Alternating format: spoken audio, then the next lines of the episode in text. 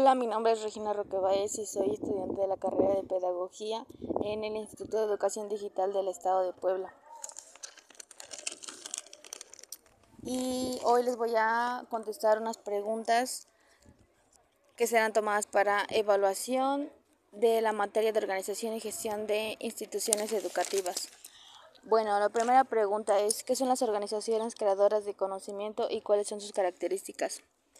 Bueno, estas son el proceso por el cual se adquieren nuevos conocimientos y mayor comprensión del mundo y de las cosas, que serían el foco central y orientación general de actitudes, la estructura y ordenamiento de los recursos, modo de pensar y relacionarse con la realidad.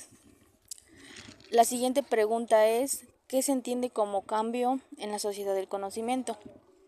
Bueno, principalmente son los cambios en las áreas tecnológicas y económicas estrechamente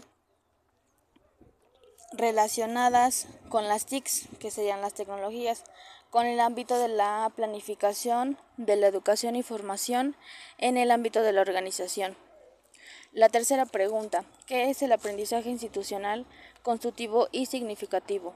Bueno, el aprendizaje que se lleva a cabo a partir de la experiencia desde vista de la educación está parte de las características del sujeto y adaptado. El alumno debe analizar, elaborar, manipular y construir para configurar su conocimiento.